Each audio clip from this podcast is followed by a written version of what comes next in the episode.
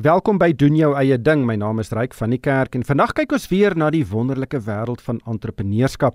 Nou dit is ongelukkig nie maklik om vandag 'n suksesvolle onderneming in Suid-Afrika te bedryf nie. Daar is baie winde wat teen entrepreneurs waai, boonbehalwe die pap-ekonomie en beerdkrag en dit is nie 'n verrassing dat soveel besighede sukkel om hulle deure oop te hou nie. Volgens statistiek oorleef net 1 uit elke 4 entrepreneurs vir langer as 5 jaar. Dit beteken daar is groot finansiële risiko's, maar as jy een van daardie 4 entrepreneurs is wat dit maak, kan dit geweldige finansiële en sielkundige vrugte meebring. In hierdie program gesels ek met entrepreneurs en ons hoor hoe hulle hulle sake idees gekry het, wat hulle grootste uitdagings gedurende daardie eerste belangrike paar jaar was en ook wat hulle moes doen om suksesvol te wees. Vanoggend gesels ek met Juanita Eksteen, sy is een van die mede-stigters van die besigheid Funky Ouma en sy het hierdie besigheid 10 jaar gelede saam met haar 67-jarige ma in die Parel begin en vandag bemark dit 'n hele reeks sout en kruie produkte. Juanita, baie baie welkom by die program. Vertel ons die storie van Funky Ouma. Waar het dit begin? So, baie dankie Ryk. Dit is lekker om deel te wees van die gesprek. Ek's net so passievol oor entrepreneurskap. So, dis vir my lekker om deel te wees. Ek en my ma, sy was so 67. Ek het net besluit ek wil 'n besigheid begin en sy het finansiëel 'n bietjie deur 'n uitdagende tyd gegaan en ek was verantwoordelik om haar te ondersteun. En ons het eendag om die kombuistafel gesit en die gesprek gehad en gesê maar ek wil nou besigheid begin en ek stap nou in 'n nuwe fase in my lewe in. En hoe gaan ek en sy maak om hierdie te maak werk? En voor ons is hierdie pot sout wat sy al die jare maak. My pa het maagkanker gehad, so hy kon nie preserveermiddels en suiker en gluten en so aan in sy liggaam invat nie my maat vir hierdie mengsel gemaak vandat ek baie jonk was. Is hierdie deel van ons kombuis. Sout en suurlemoen en vars kruie in 'n pot en dit het 12 getrou met mekaar die kruie en die geure. En ons kyk na die pot. Ek sê vir mamma, hierso is die geleentheid. Mense, almal se vriende en familie bestel dit by ons. Kom ons maak dit 'n handelsmerk. En ons het 'n grappie gemaak want sy het daar gesit en kleinkind op die skoot en sy's toe daai tyd het Facebook net begin en ek sê vir haar kyk hoe funky is jy? En jy's 'n ouma kom ons noem dit funky ouma. En toe sit net daar in die kombuis op 'n plaas gebore. So jy het om 'n tafel gesit en gesê luister ons het geld nodig. Kom ons begin 'n besigheid. Jy tel 'n sapotjie sout op wat jou ma maak wat blykbaar baie lekker is. En dit was so eenvoudig soos dit Ja, die ding is eerstens was daar 'n behoefte in die mark van nature, jy weet. Daar was 'n gap. Daar was nie iets soos dit beskikbaar op die mark oorspronklik toe my pa nou 25 jaar siek geraak het. Was daar nie daai produk op die mark nie. So dis iets wat ons gemaak het uit 'n natuurlike behoefte uit. En toe ons nou daar sit en die uitdaging is nou voor ons om 'n inkomste in te kry. Toe trou ons nou die natuurlike gawe wat my ma het fantasties gekook. Sy het al ons dogters ook leer om lekker te kook. So dit is deel van ons DNA, dis deel van ons. Ons hou van geure, ons hou van natuurlike bestanddele, ons hou van familietyd. So ons het hierdie twee elemente mekaar gebring, ons natuurlike gawe en die probleem. En dis presies dit daar in die kombuis is hierdie produk begin. Ek moet sê toe ek die eerste keer die naam Funky Ouma gesien het, het ek nou weer gedink iemand het gaan torring met die lekker ouma beskuit resep, want daardie handelsname is al so ingeburger in Suid-Afrika. Het jy ooit enigsins gesien dat daar 'n bietjie verwarring in die mark is? Nee, daarom gelukkig nie. Kyk, ouma beskuit is baie baie prominent bekend vir hulle wonderlike beskuit. En ek dink die woord funky het eintlik laat mense so 'n bietjie giggel binne hulle. Jy weet, want jy dink dadelik aan 'n ouma wat prettig is. Nee, so darm nie en ons het darm ons plek geposisioneer in die mark dat ons krye en soutte doen. Julle het nou die besluit geneem, julle wil dit doen, hierdie besigheid begin, maar dit is nie altyd so eenvoudig om een goeie produk soos byvoorbeeld lekker sout of 'n krye mengsel wat mens in 'n kombuis gebruik en een kombuis gebruik so uit te brei dat dit eh, 'n hele produkreeks kan vorm nie. Daar's groot probleme, daar's ekonomieë van skaal wat betrokke raak of 'n rol speel. Hoe het julle toe die besigheid staan gemaak en hoe het julle toe verseker dat elke enkele produk wat julle op die mark sit van dieselfde kwaliteit is? Kyk, ek is 'n ma ook en my ma was 'n ouma en sy het my lekker geondersteun.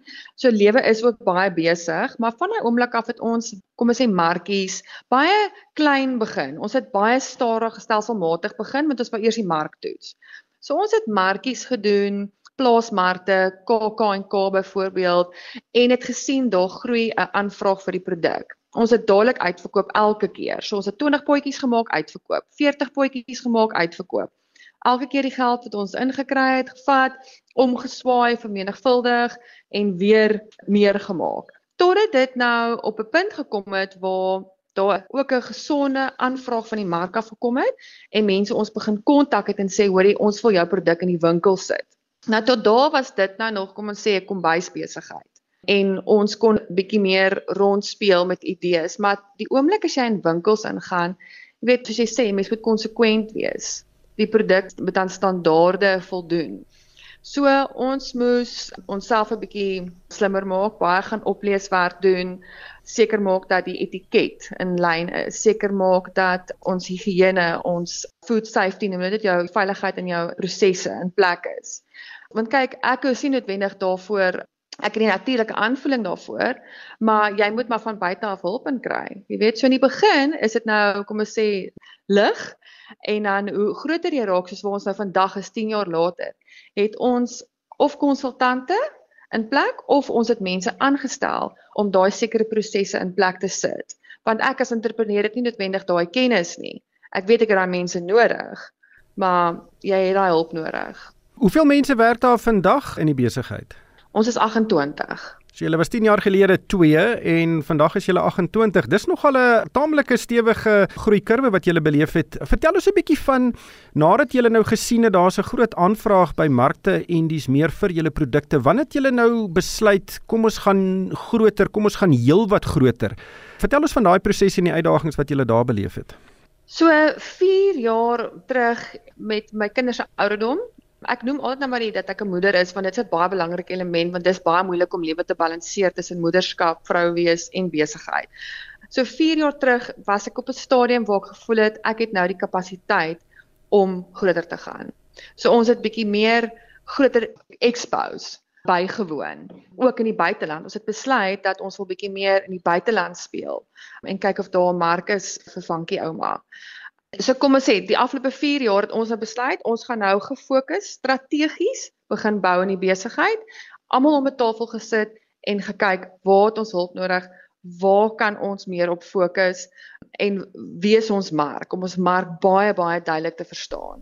Ek kyk nou op julle webblad, julle bemark daar 'n hele reeks produkte. Ek wil net gou vinnig oor die produkte gesels want ek dink dit is belangrik. Julle fokus op eh, sout en peper en dit word taamlik prominent bemark op die webblad en dan het julle 'n hele reeks ander krye en speserye mengsels in hierdie botteltjies wat jy so draai met die meel in. Wat is julle gewildste produkte en waarop is julle kern fokus as julle nuwe produkte ontwikkel?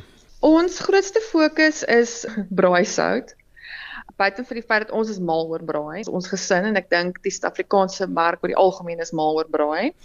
En ons het juis 'n kombinasie wou doen tussen goeie bestanddele en terwyl jy dit nou by die braai het, ook kan dit nie mooi lyk nie. Dis waarop ons onsself diferensieer. Dit smaak goed, goeie bestanddele, maar ons lyk bitter funky. Ons fokus ons op ons ontwerp. Ons moeite gaan ook in ons verpakking in. Dat as jy daai produk optel, is dit nie net iets wat jy kan gebruik op jou braaivleis nie, maar is ook iets wat jy kan gebruik wat mooi is om op jou rak neer te sit of op jou kombuistafel. Dit nie stof opgaarde kaas nie. Dat jy dit vir iemand wil optel en sê, "Weet jy wat, ek gaan vanaand by mense kuier, ek vat vir Jannie of Sunny 'n lekker braaisoutjie saam." En dan wanneer ons kyk na produkontwikkeling, kyk ons wat is die behoefte in die mark. Wat soek die mense? Wat is daar 'n tekortkoming aan? Waartoe beweeg dit? Mense hou meer van natuurlike produkte, natuurlike bestanddele of mense gaan meer vegan. Kom ons bring iets wat meer veganrig is uit.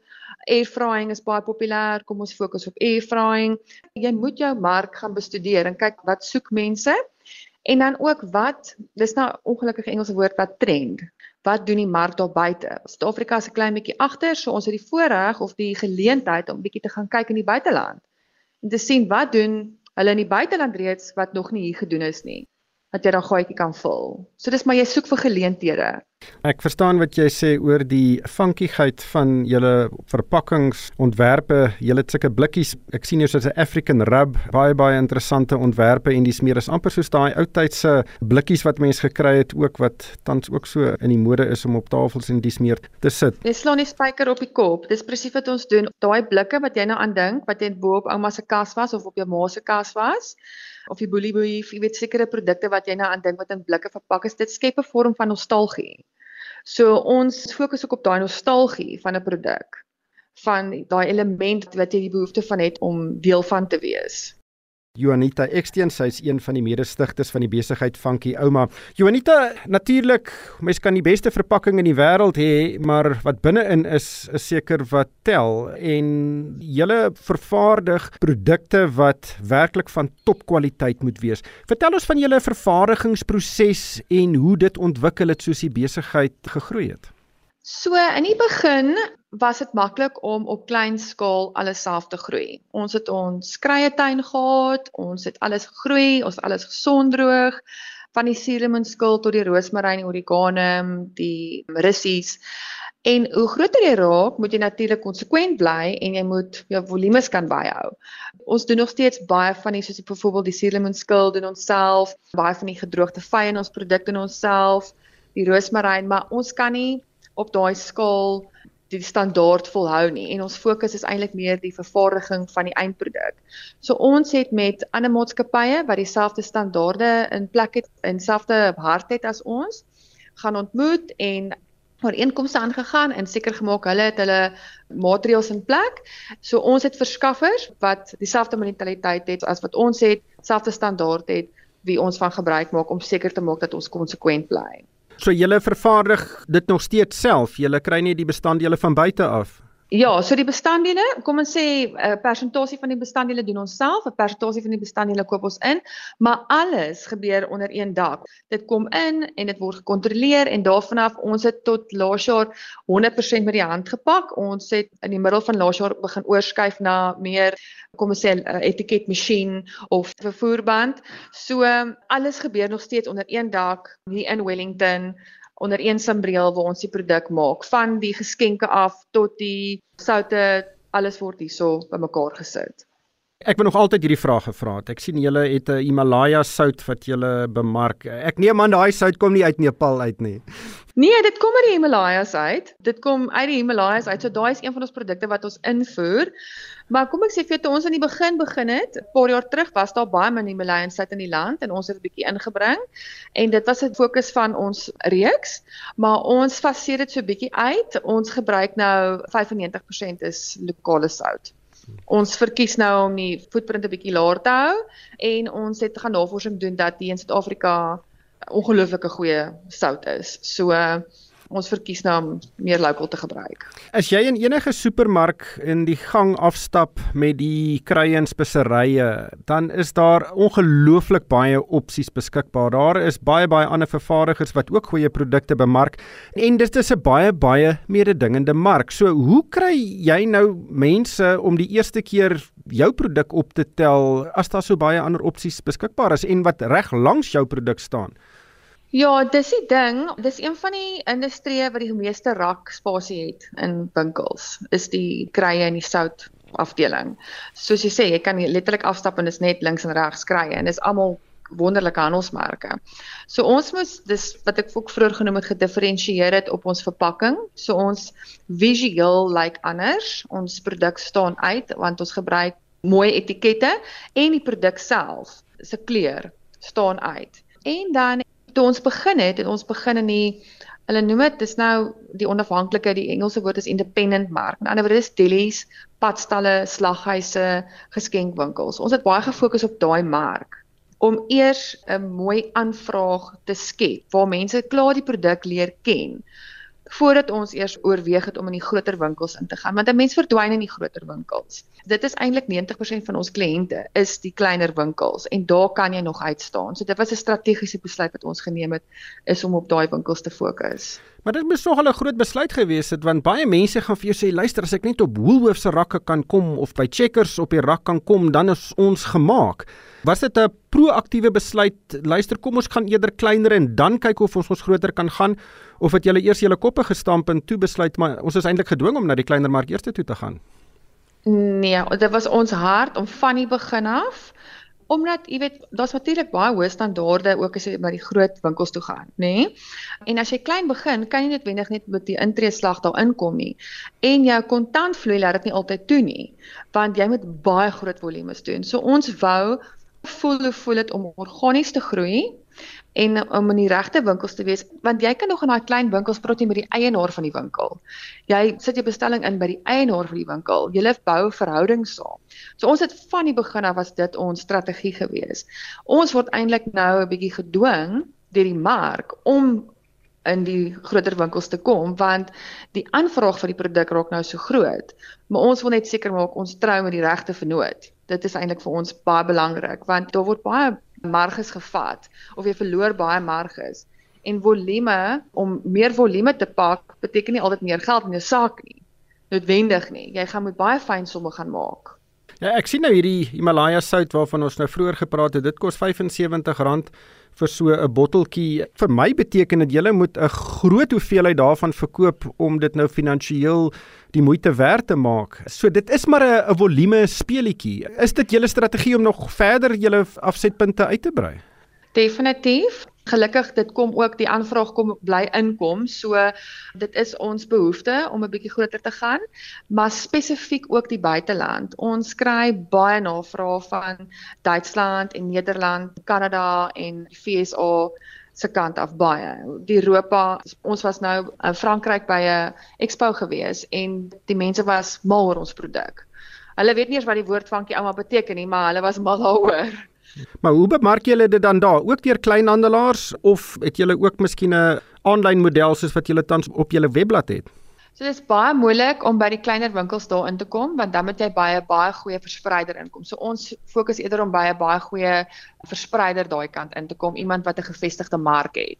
So ons verskaf aan een ou en hy sal dan daarvan af versprei aan die 200 winkels wat beskikbaar is en dan ons aanlyn platform is taamlik gevestig. So maar daai is meer 1 tot 1 verkope.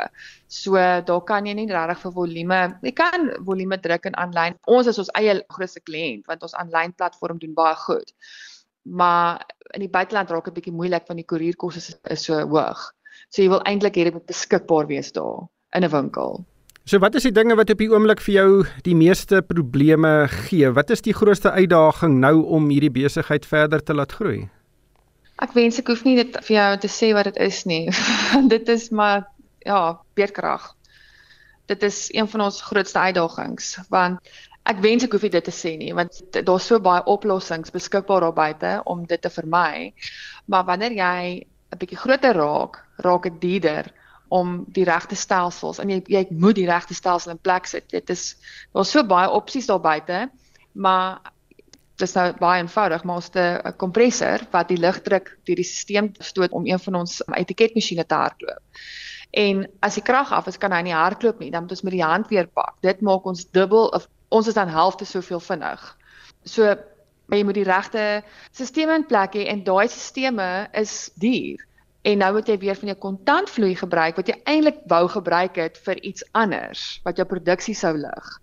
Moet jy nou gebruik vir vir alternatiewe oplossings. So dit belemmer ons en dit vat baie beplanning elke oggend moet ons die skedules deurgaan en seker maak dat ons werk rondom die tye. Maar jy kan nie net 'n groot kragopwekker kry nie of is dit te duur?